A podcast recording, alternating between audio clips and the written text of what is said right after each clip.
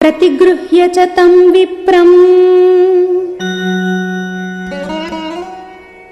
स राजा विगतज्वरः। आहरिष्यति तम् यज्ञम्। प्रहृष्टेनान्तरात्मना।